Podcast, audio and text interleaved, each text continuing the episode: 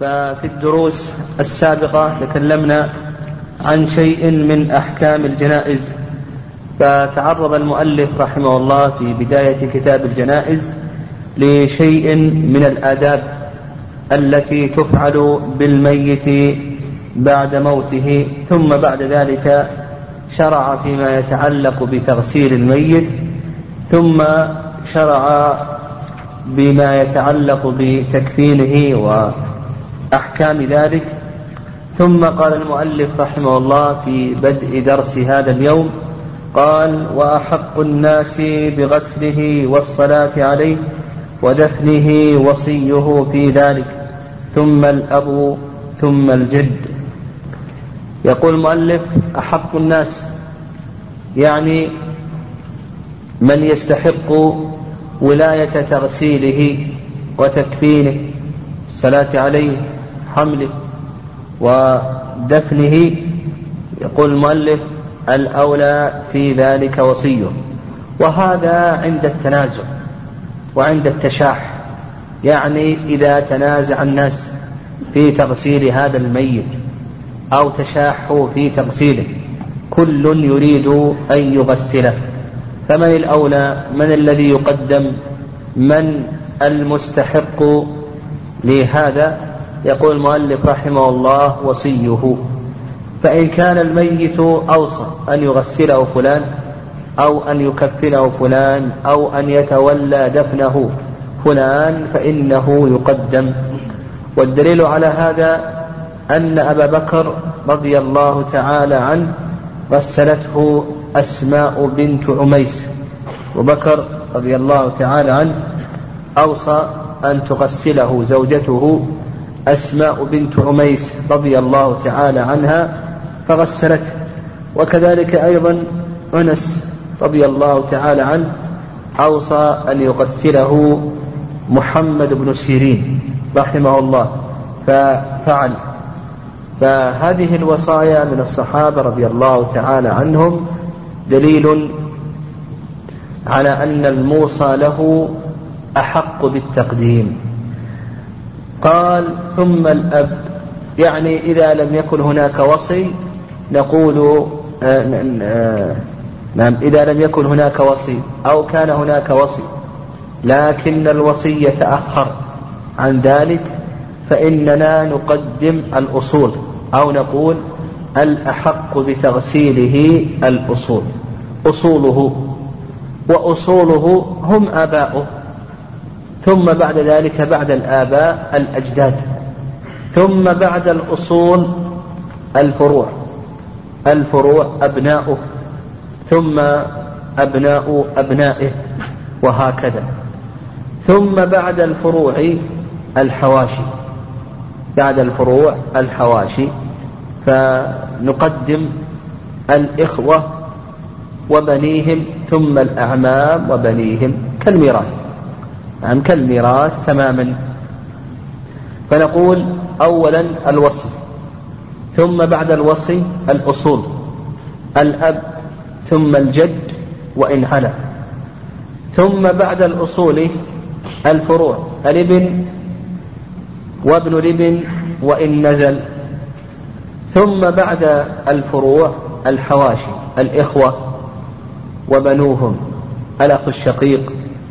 ثم الأخ لأب ثم ابن الأخ الشقيق ثم ابن الأخ لأب ثم بعد ذلك الأعمام العم الشقيق ثم العم لأب ثم ابن العم الشقيق ثم ابن العم لأب.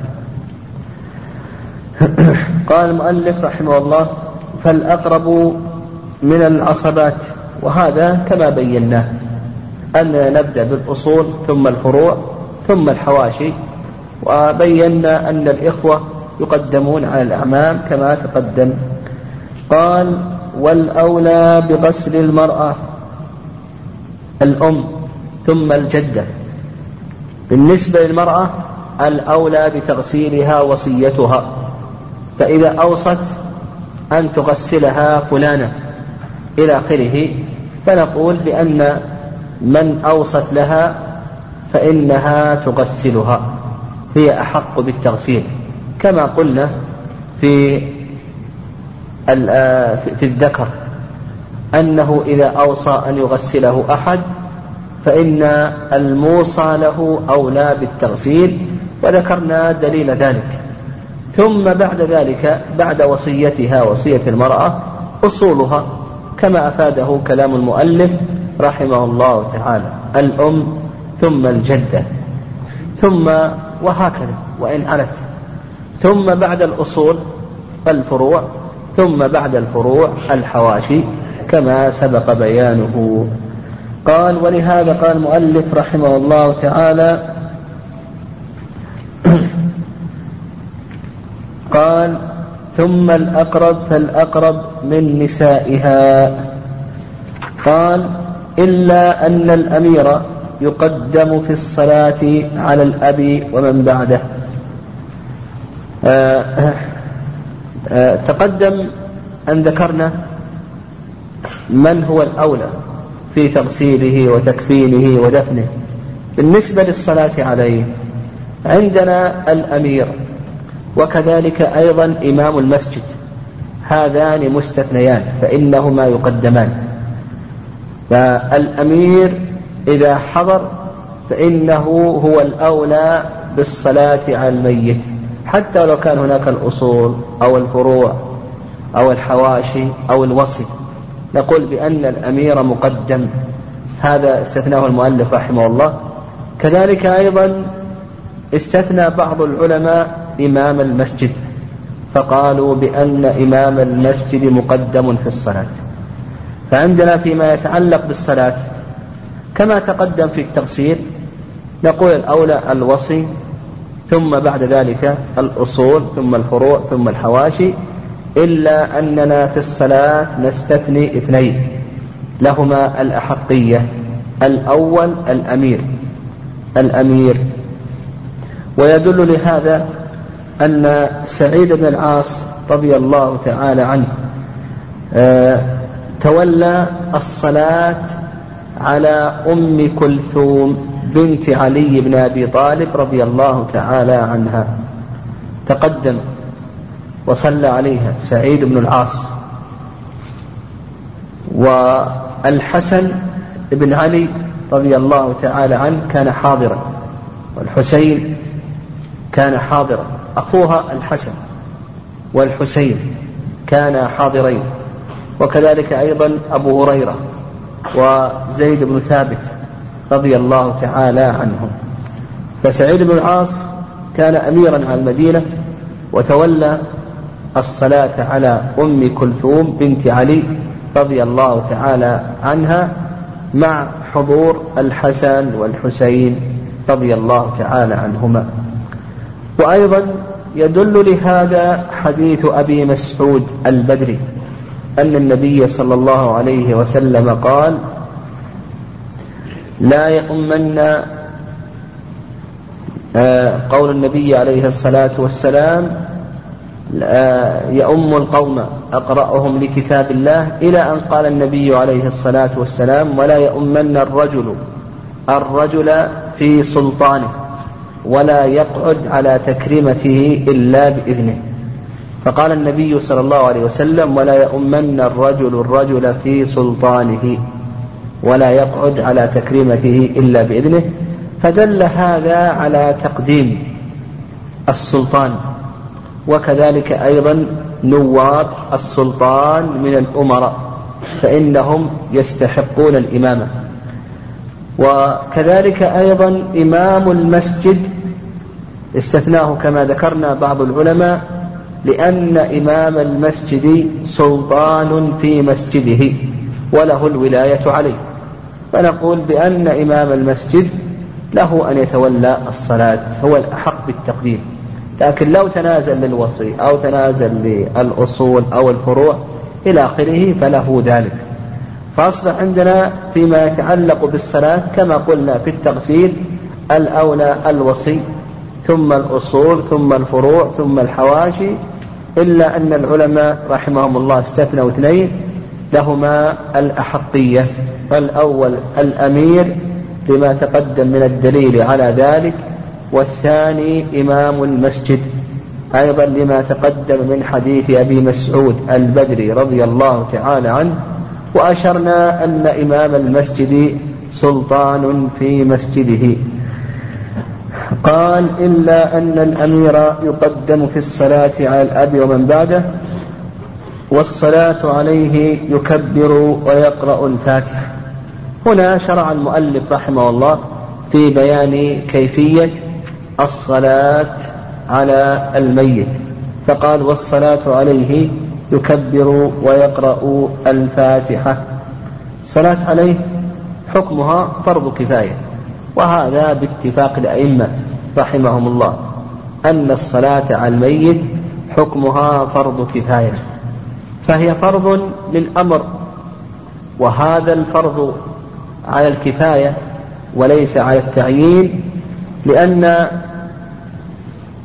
آه هذا الفرض على الكفاية وليس على التعيين لأن الملاحظ هنا هو العمل. وليس العامل. وهذا هو الفرق بين فرض الكفاية وفرض التعيين أو فرض العين. أنه إذا لوحظ العمل وأن المطلوب هو تحصيل هذا العمل فهذا فرض كفاية. وإذا لوحظ العامل وأن المطلوب حصول هذا العمل من كل عامل فهذا فرض عين. وهنا المطلوب تحصيل العمل تحصيل الصلاة على هذا الميت سواء قام به زيد أو عمرو أو بكر إلى آخره. فنقول الصلاة على الميت حكمها فرض كفاية ودي على ذلك الأمر أنها فرض. وأما أنها على الكفاية فلأن هذا الأمر لوحظ فيه العمل دون العامل. وأيضا الصلاة على الجنازة تجوز فرادى وتجوز جماعة. لكن قال العلماء رحمهم الله السنة أن تصلى جماعة. وقد ذكره النووي رحمه الله بلا خلاف أن السنة أن تصلى جماعة لأن هذا هو هدي النبي صلى الله عليه وسلم. فإن النبي عليه الصلاة والسلام كان يصلي على الجنائز ومعه صحابته رضي الله عنهم. نعم. قال يكبر ويقرأ الفاتحة. ولم يذكر المؤلف رحمه الله أين يقف من الميت. فنقول بالنسبة لوقوف المصلي من الميت لا يخلو من أمرين الأمر الأول وقوف جائز. وذلك بأن يقف على أي جزء من أجزاء الميت. يقول الأمر الأول وقوف جائز وذلك بأن يقف على أي جزء من أجزاء الميت. فسواء وقف عند رأسه أو عند وسطه أو عند رجليه نقول بأن هذا كله جائز. القسم الثاني وقوف مستحب. وقوف مستحب وهذا موضع خلاف بين أهل العلم رحمهم الله. والصواب في هذه المسألة ما دلت عليه السنة وهو أن يقف على الرجل عند رأسه. إذا كان ذكرا فإن السنة أن يقف عند رأسه. وأما إن كان أنثى فإن السنة أن يقف عند وسطها. ويدل لهذا أن النبي صلى الله عليه وسلم صلى على أم كعب فقام عند وسطها. وكذلك أيضا حديث أنس رضي الله تعالى عنه أنه أتي إليه برجل فقام عند رأسه ثم أتي إليه بامرأة فقام عند وسطها ورفع ذلك للنبي صلى الله عليه وسلم. وهذا الحديث أخرجه الإمام أحمد وأبو داود والترمذي وحسنه الترمذي وكذلك أيضا أخرجه ابن ماجه إلى آخره. فإن اجتمعت جنائز يعني فإن اجتمعت الجنائز فإنه يقدم إلى الإمام الذكور ثم بعد ذلك النساء. ويدل لهذا فعل ابن عمر رضي الله تعالى عنهما فإن ابن عمر صلى على تسع جنائز فجعل الرجال مما يلي الإمام وجعل النساء مما يلي القبلة. فنقول إذا اجتمع عندنا ذكور وإناث فإننا نقدم الذكور إلى الإمام. وأما النساء فإنهن يلين القبلة. ومن يقدم من الذكور؟ يعني من نقدم من الذكور. نقول يقدم من الذكور آه نقدم من الذكور من سبق. من سبق فإنه يقدم. ثم بعد ذلك الأفضل.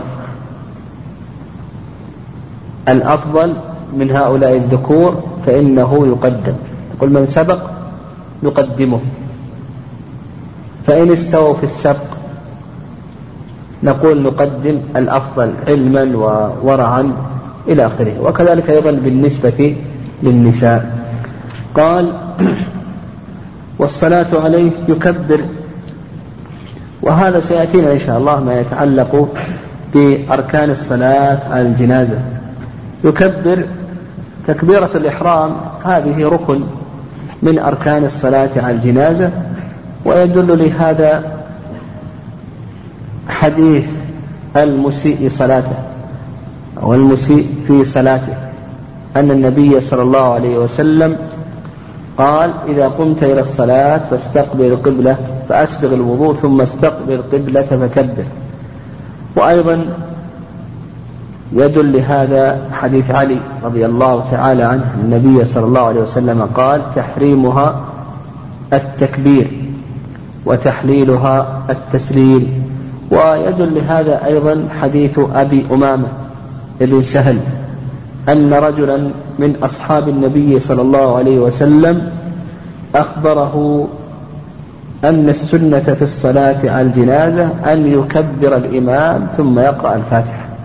حيث أبي أمامة بن سهل أن رجلا من أصحاب النبي صلى الله عليه وسلم أخبره أن السنة في الصلاة على الجنازة أن يكبر الإمام ثم يقرأ الفاتحة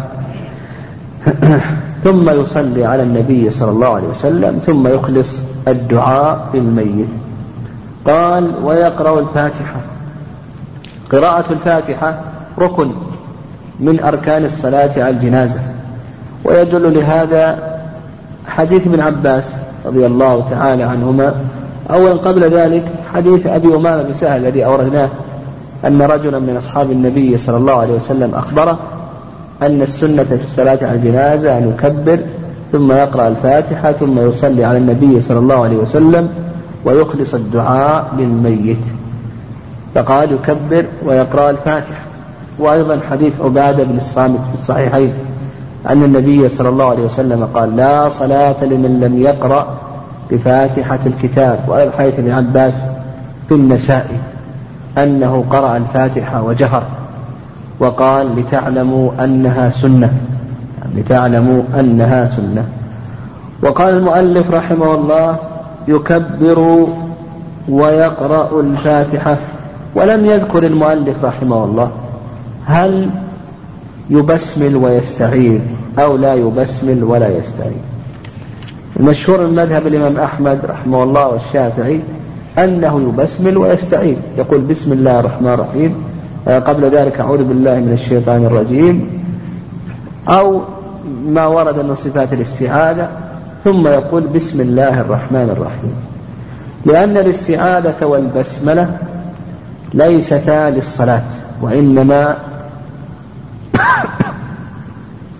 وإنما للقراءة والقراءة مشروعة في صلاة الجنازة عند الشافعية والحنابلة فيبسمل ويستعين عند أبي حنيفة رحمه الله ومالك أنه لا يبسمل ولا يستعيذ لأنهم يرون أن صلاة الجنازة لا قراءة فيها حتى قراءة الفاتحة لا قراءة فيها.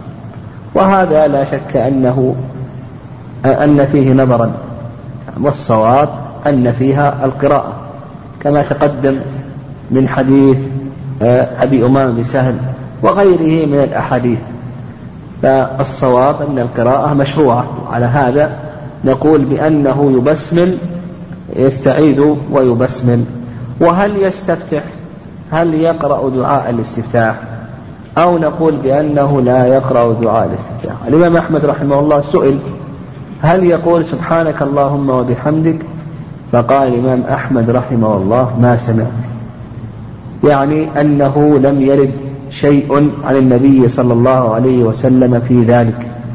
وعلى هذا نقول بأن الاستفتاح في صلاة الجنازة ليس مشروعا يعني لا يشرع أن يستفتح في صلاة الجنازة لأن هذا لم يرد عن النبي صلى الله عليه وسلم. والعبادات توقيفية. والعبادات توقيفية عن النبي عليه الصلاة والسلام. قال ويقرأ الفاتحة ثم يكبر. ظاهر كلام المؤلف رحمه الله أنه لا يقرأ سورة.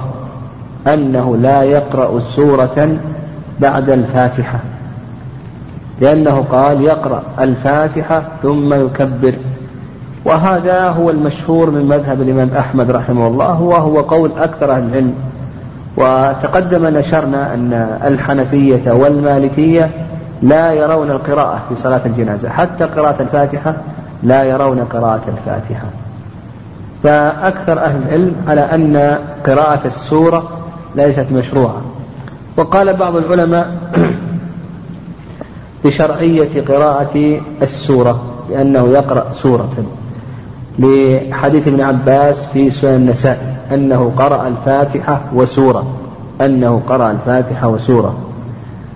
فإن ثبت هذا الحديث يعني إن ثبت هذا الحديث حديث ابن عباس رضي الله تعالى عنهما فنقول بأن الإمام أحيانا يقرأ وأحيانا لا يقرأ. أما بالنسبة للمأموم بالنسبة للمأموم فالأمر في حقه ظاهر. المأموم لا يسكت لأن الصلاة لا, لا سكوت فيها.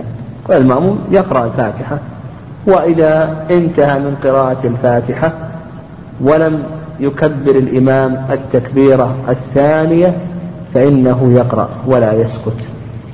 فنقول بالنسبة للمأموم لا يسكت وأما بالنسبة للإمام أو المنفرد فإن ثبت حديث ابن عباس رضي الله تعالى عنهما في النساء فإنه يقرأ أحيانا أحيانا يقرأ بسورة.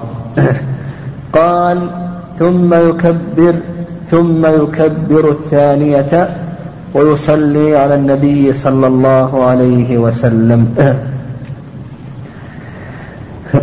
وهذا دليله ما تقدم من حديث أبي أمامة بن سهل أن رجلا من أصحاب النبي صلى الله عليه وسلم أخبره أن السنة في الصلاة على الجنازة أن يكبر ثم يقرأ الفاتحة ثم يصلي على النبي صلى الله عليه وسلم.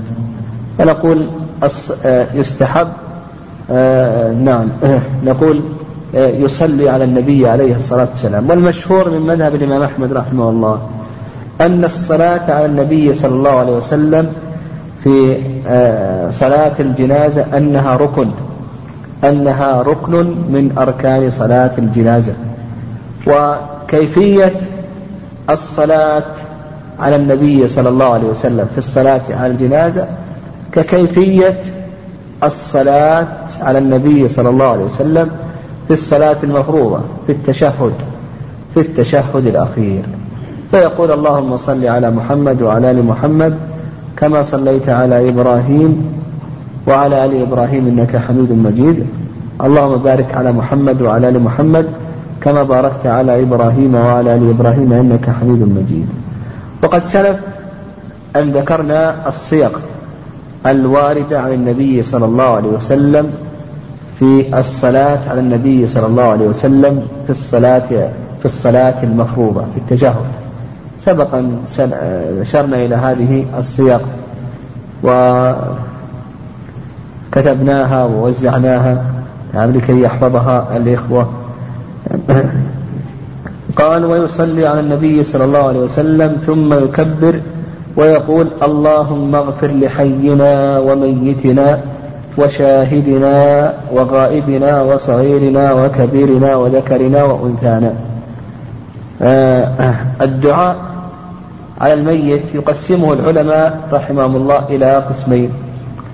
القسم الأول دعاء كامل الدعاء الكامل وهو أن يتقيد الإنسان بما ورد عن النبي صلى الله عليه وسلم. وورد عن النبي عليه الصلاة والسلام أربع صيغ في الدعاء في الدعاء في صلاة الجنازة. ورد عن النبي صلى الله عليه وسلم أربع صيغ. الصيغة الأولى ما أشار إليه المؤلف اللهم اغفر لحينا وميتنا إلى آخره. وهذا حديث أبي هريرة رضي الله تعالى عنه. والصيغة الثانية أشار إليه بقوله اللهم اغفر له وارحمه وعافه واعف عنه وأكرم نزله ووسع مدخله واغسله بالماء والثلج والبرد ونقه من الخطايا كما ينقى الثوب الأبيض من الدنس إلى آخره. وهذا حديث عوف بن مالك. فعندنا الأول حديث أبي هريرة والثاني حديث عوف بن مالك رضي الله تعالى عنه. وهذا الذي ذكر المؤلف رحمه الله وأيضا الثالث نعم الثالث حديث واتل بن الأسقع رضي الله تعالى عنه والرابع حديث يزيد بن ركانة نعم حديث يزيد بن ركانة. والمؤلف رحمه الله فيما نقل يعني لم ينقل متن الحديث بتمامه. وإنما زاد فيه بعض الزيادات. ولهذا نحتاج إلى أن نرجع إلى آه نعم إلى الأصول أصول السنة. فيريد آه، واحد من الإخوان آه، ينقل لنا حديث آه، أبي هريرة كي نوزع على الإخوان يحفظونه. اللهم اغفر لحينا وميتنا وشاهدنا وغائبنا وصغيرنا وكبيرنا إلى آخره. وأيضا حديث عوف بن مالك اللهم اغفر له وارحمه وعافه واعف عنه وأبدله دارة من داره وزوجا خيرا من زوجه إلى آخره. وأيضا حديث واثلة بن أسقع حديث ركانة آه، أو يزيد بن ركانة. آه، نريد واحد من الإخوان إن شاء الله يأتي بها الأسبوع القادم. زين. والله زين بركة واحد. سووا لنا الأدعية هذه. يعني لأن المؤلف رحمه الله أنا قرأت كلام المؤلف رأيت أن المؤلف زاد بعض الجمل على ما ورد عن النبي صلى الله عليه وسلم. فإن شاء الله هذه الأدعية إن شاء الله نوزعها الأسبوع القادم لكي يحفظها الإنسان ويتقيد بما ورد عن النبي صلى الله عليه وسلم فيأتي بالكامل دعاء الكامل. وأما القسم الثاني فالدعاء المجزئ. فأن يدعو الإنسان بما شاء. يعني يدعو الإنسان. العلماء قالوا إذا دعا بما شاء ولو لم يتقيد بالوارد فإن هذا مجزئ. لقول النبي صلى الله عليه وسلم إذا صليتم على الميت فأخلصوا له الدعاء. إذا صليتم على الميت فأخلصوا له الدعاء. وأيضا ما تقدم من حديث أبي أمامة بن سهل. ما تقدم من حديث أبي أمامة بن سهل أن النبي صلى الله عليه وسلم قال ثم يصلي. يعني أو أنه آه قال في السنة صلاة الجنازة قال ثم يصلي على النبي صلى الله عليه وسلم ويخلص الدعاء للميت. قال قال رحمه الله ثم يكبر ويسلم تسليمة واحدة عن يمينه. ظاهر كلام المؤلف رحمه الله أنه يكبر أربع تكبيرات فقط لأنه ذكر التكبيرة الأولى ثم قراءة الفاتحة ثم يكبر الثانية ثم يصلي على النبي صلى الله عليه وسلم ثم يكبر الثالثة ثم يدعو ثم يكبر الرابعة ثم يسلم. فظاهر كلام المؤلف رحمه الله أن التكبير على الميت أربع تكبيرات فقط. وهذا ما عليه جمهور أهل العلم. هذا ما عليه جمهور أهل العلم رحمهم الله تعالى. أنه يكبر على الميت أربع تكبيرات فقط. وهذا يدل له حديث أبي هريرة في الصحيحين وحديث جابر بن عبد الله رضي الله تعالى عنهما في صلاة النبي صلى الله عليه وسلم على النجاشي فإن النبي عليه الصلاة والسلام صلى على النجاشي. فنقول بالنسبة للأربع هذا دل لها حديث أبي هريرة وحديث جابر بن عبد الله. وأيضا ورد في السنة خمس تكبيرات. كان صح مسلم من حديث زيد بن أرقم رضي الله تعالى عنه. فنقول الأربع ثابتة في السنة. والخمس أيضا هذه ثابتة في السنة. الست والسبع هذه فيها آثار عن الصحابة. يعني الست والسبع هذه فيها آثار عن الصحابة. فالست تكبيرات هذه وردت عن أبي عن علي رضي الله تعالى عنه كما في المحلى وغيره. ابن حزم والسبع أيضا واردة عن علي رضي الله تعالى عنه أنه صلى على أبي قتادة كبر عليه سبع تكبيرات. السبع الست صلى على سهل بن حنيف كبر عليه ست تكبيرات. والسبع أن النبي أن عليا صلى على أبي قتادة وكبر عليه سبع تكبيرات. وهذه في الطحاوي كذلك أيضا في البيهقي السنة الكبرى. فنقول الست والسبع هذه واردة عن الصحابة رضي الله تعالى عنهم. ويذكر بعض العلماء أن الوارد عن الصحابة إلى تسع. يعني أن الوارد عن الصحابة إلى تسع. يعني لكن أنا لم أرى إلا إلى سبع تكبيرات. يعني يمكن في شيء آه، لم يصل إلينا. لكن يذكر بعض العلماء كالقاضي عياض أن الوارد عن الصحابة إلى تسع تكبيرات. وعلى هذا نقول عندنا أربع تكبيرات هي ثابتة في السنة خمس تكبيرات ثابتة في السنة ست سبع هذه ثابتة آه، عن الصحابة رضي الله عنهم. وعلى هذا التكبير في الجنائز يكون إلى سبع تكبيرات. سبع تكبيرات. ويظهر يعني من آثار من أثر علي رضي الله تعالى عنه أن التكبيرات أن الزيادة تكون لمن كان من أهل الفضل. يعني لأنه علل لما زاد علل بأنه بدري يعني من أهل بدر. فيظهر أن أهل الفضل آه أنه يزاد في التكبير عليهم. يعني يزاد في التكبير عليهم. وعلى هذا إذا آه يعني على هذا. أما بالنسبة للخمس فأهل السنة واضح. الخمس يكبر سواء كان على أهل الفضل أو على غيرهم. لكن بالنسبة للست والسبع هذا يظهر من التعليل لذكره علي بن أبي طالب رضي الله تعالى عنه أن الزيادة على من كان من أهل الفضل. وعلى هذا إذا كبر خمسا أو ستا أو سبعا فماذا يقول بعد السادسة والسابعة آه، بعد الرابعة وبعد الخامسة إلى آخره فنقول بأنه يدعو لأن هذه الصلاة على الميت صلاة دعاء صلاة شفاعة. صلاة الدعاء وصلاة شفاعة. ولهذا قال النبي عليه الصلاة والسلام ما من ميت يقوم على جنازته أربعون رجلا لا يشركون أربعون رجلا لا يشركون بالله شيء لا شفعهم الله فيه. فهذه صلاة دعاء وصلاة شفاعة. فنقول بأنه يدعو للميت. فيذكر الأدعية والصيغ الواردة عن النبي صلى الله عليه وسلم. فإذا أتم هذه الصيغ يدعو أيضا. يسأل الله عز وجل له المغفرة والعفو والتجاوز إلى آخره. قال ثم يكبر ويسلم تسليمة يكبر ويسلم تسليما. وظاهر كلام المؤلف رحمه الله أنه بعد التكبيرة الرابعة أنه يكبر ولا يذكر شيئا. نعم لا يذكر شيئا. والصواب أنه يدعو للميت. فإن كانت الأدعية قد انتهت قد أتى على كل الأدعية الواردة فإنه يأتي يدعو للميت بما شاء. عن بما شاء.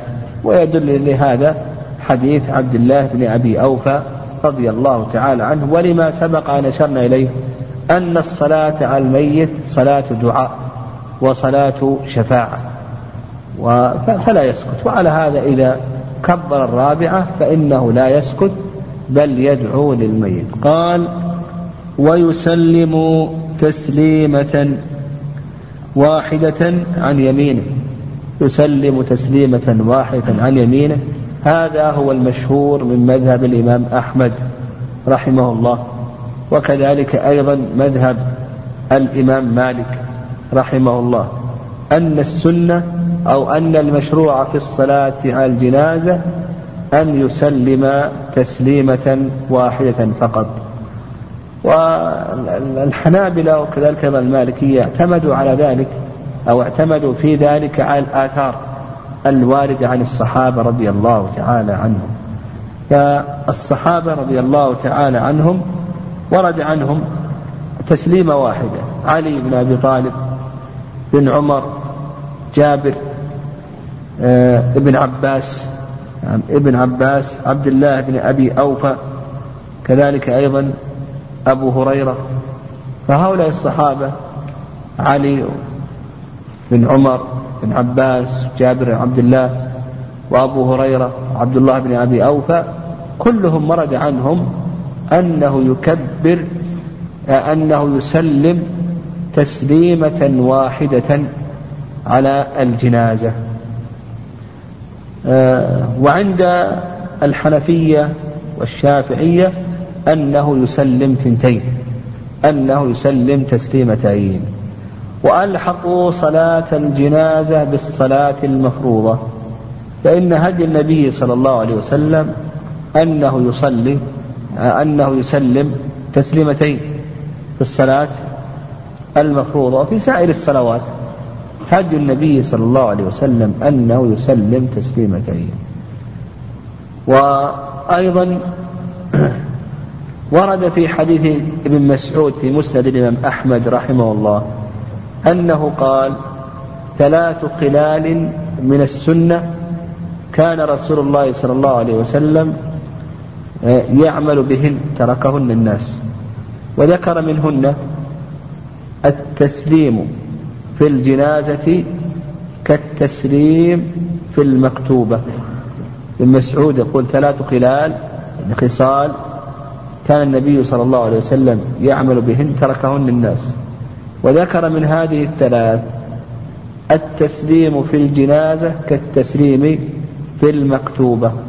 والتسليم في المكتوبة أنه يسلم أنه يسلم تسليمتين.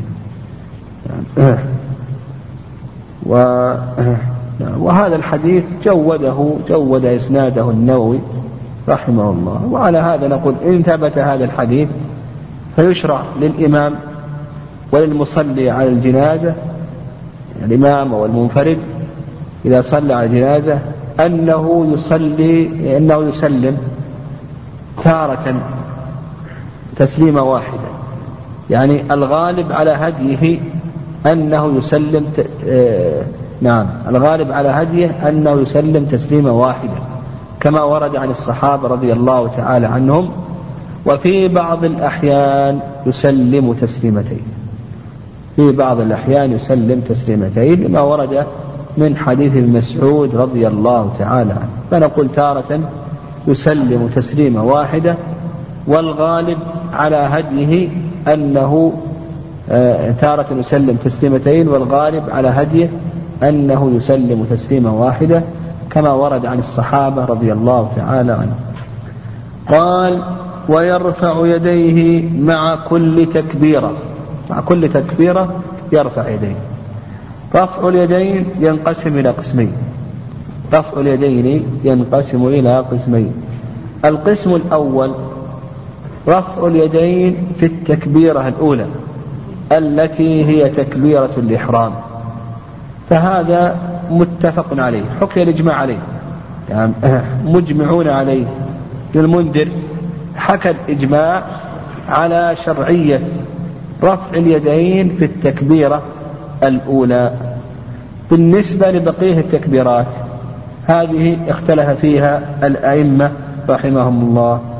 فالإمام أحمد والشافعي قال يشرع الرفع في بقية التكبيرات.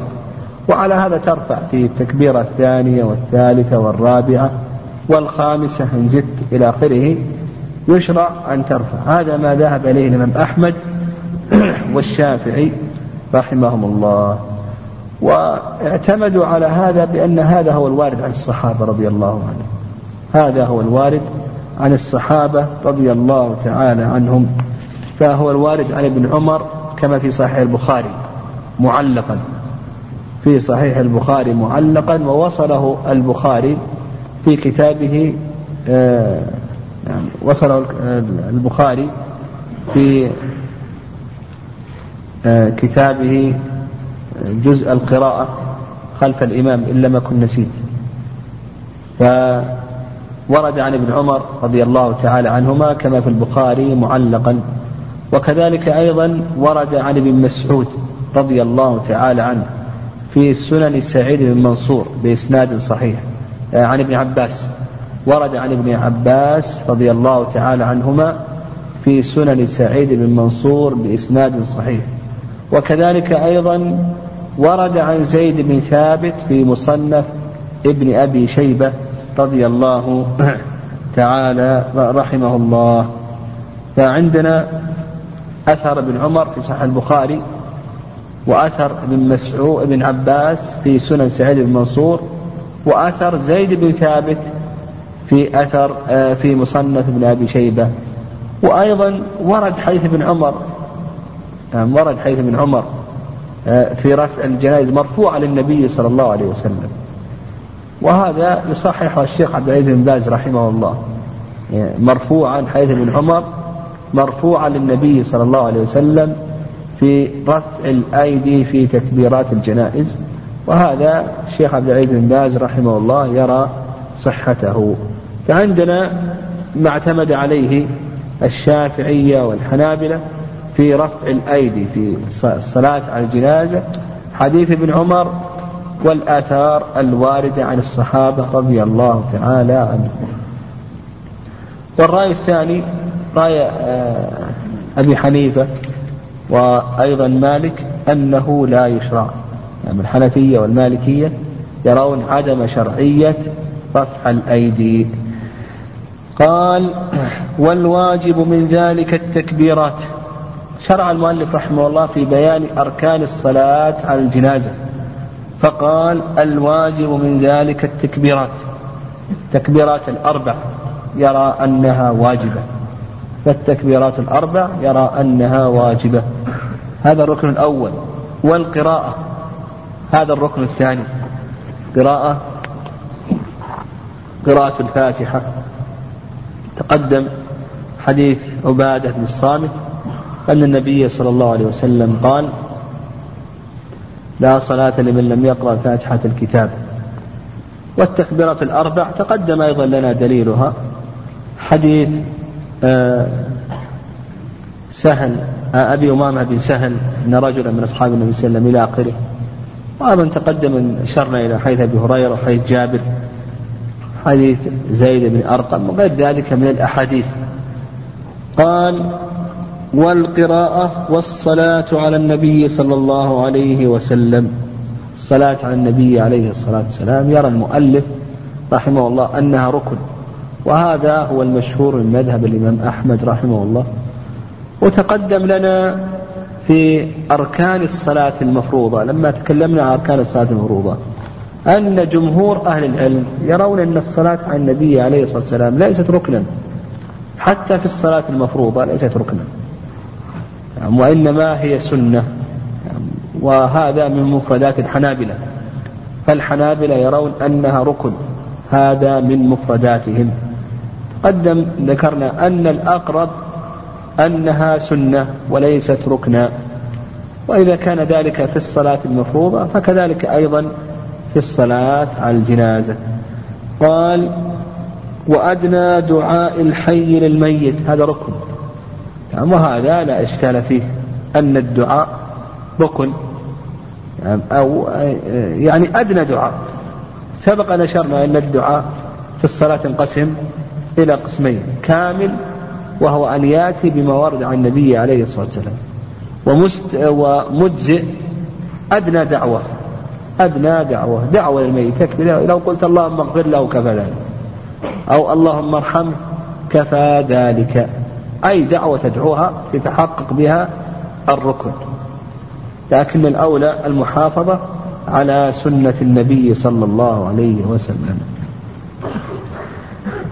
ودليل ذلك ما تقدم من حديث أبي أمامة بن سهل عن رجل من أصحاب النبي صلى الله عليه وسلم. وأيضا قول النبي عليه الصلاة والسلام إذا صليتم على الميت فأخلصوا له الدعاء. قال والسلام. هذا الركن الأخير. يعني هذا الركن الأخير السلام. وهذا دليله كما تقدم في حديث ابن مسعود وأيضا حديث أبي هريرة والآثار الواردة عن الصحابة رضي الله تعالى عنهم وأيضا حديث آه، علي تحريمها التكبير وتحليلها التسليم إلى آخره. قال ومن فاتته الصلاة عليه صلى على القبر إلى شهر. من فاتته الصلاة عليه صلى على القبر إلى شهر. ففي هذه الجملة مسألتان. المسألة الأولى الصلاة على القبر والمسألة الثانية حدها. ما هو حدها؟ فبين المؤلف رحمه الله شرعية الصلاة على القبر. وبين أيضا حدها فقال صلى على القبر إلى شهر. ذكر مسألتين جميعا. أما الصلاة على القبر الصلاة على القبر فهذه متفق عليها بين الأئمة. الأئمة يتفقون على ذلك وأنه يشرع تشرع الصلاة على القبر. و يدل لذلك أن حديث ابن عباس رضي الله تعالى عنه أن النبي صلى الله عليه وسلم صلى على قبر منبوذ. وكذلك أيضا في قصة المرأة التي كانت تقوم المسجد جارية السوداء كانت تقوم المسجد فقدها النبي صلى الله عليه وسلم. كما في الصحيح فأخبروه إن أنها ماتت أنهم قبروها. فقال دلوني على قبرها فذهب النبي صلى الله عليه وسلم فصلى عليها. فنقول الصلاة على القبر هذه متفق عليها بين الأئمة لكن اختلف الأئمة رحمهم الله في حد ذلك. فقال المؤلف رحمه الله إلى شهر يعني لك أن تصلي إلى شهر بعد الشهر ما تصلي. فأنت مثلا إذا دفن لك أن تصلي بعد يوم ويومين وأسبوع وأسبوعين لكن إذا مضى شهر فإنك لا تقدر على الصلاة عليه. واستدلوا على ذلك بأن النبي صلى الله عليه وسلم صلى على أم سعد بن عبادة بعدما دفنت بعد شهر. النبي عليه الصلاة والسلام صلى على أم سعد بن عبادة. صلى على أم سعد بن عبادة بعد شهر من دفنها. قالوا هذا دليل على أن هذا هو أقصى حد. الرأي الثاني نعم الرأي الثاني. لم يقيدوه بالزمن وإنما قيدوه بالحال. وهذا مذهب أبي حنيفة ومالك. قيدوه بحال الميت. فقالوا لا بأس أن يصلى عليه ما لم يغلب على الظن أن جسده قد فني. قالوا نصلي عليه. ما لم يغلب على الظن أن جسده قد فني. فإن غلب على الظن أن جسده قد فني فإنه لا يصلى عليه. قالوا ما لم يغلب على الظن أن جسده قد فني. يعني ينظر إلى الجسد.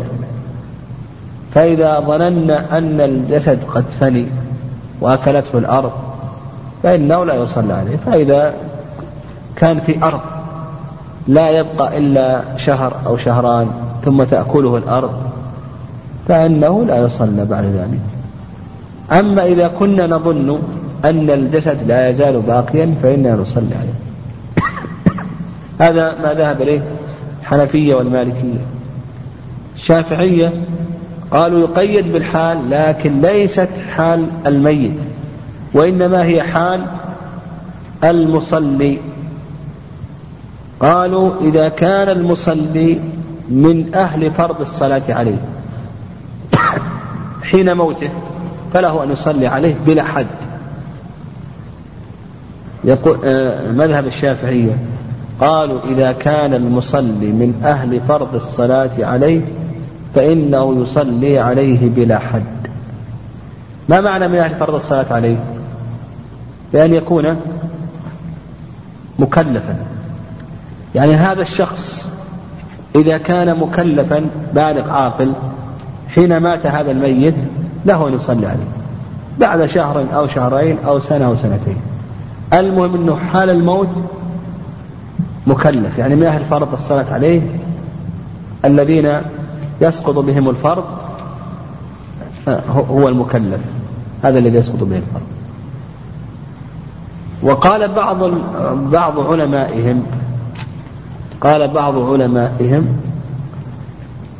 آه، أن يكون من أهل الصلاة عليه. ليس من أهل الفرض وإنما من أهل الصلاة عليه بأن يكون مميز. المميز من أهل الصلاة عليه تصح الصلاة عليه. فإذا كان مميز حين الصلاة حين موته فله أن يصلي عليه. حتى بعد سنة أو سنتين أو إلى آخره.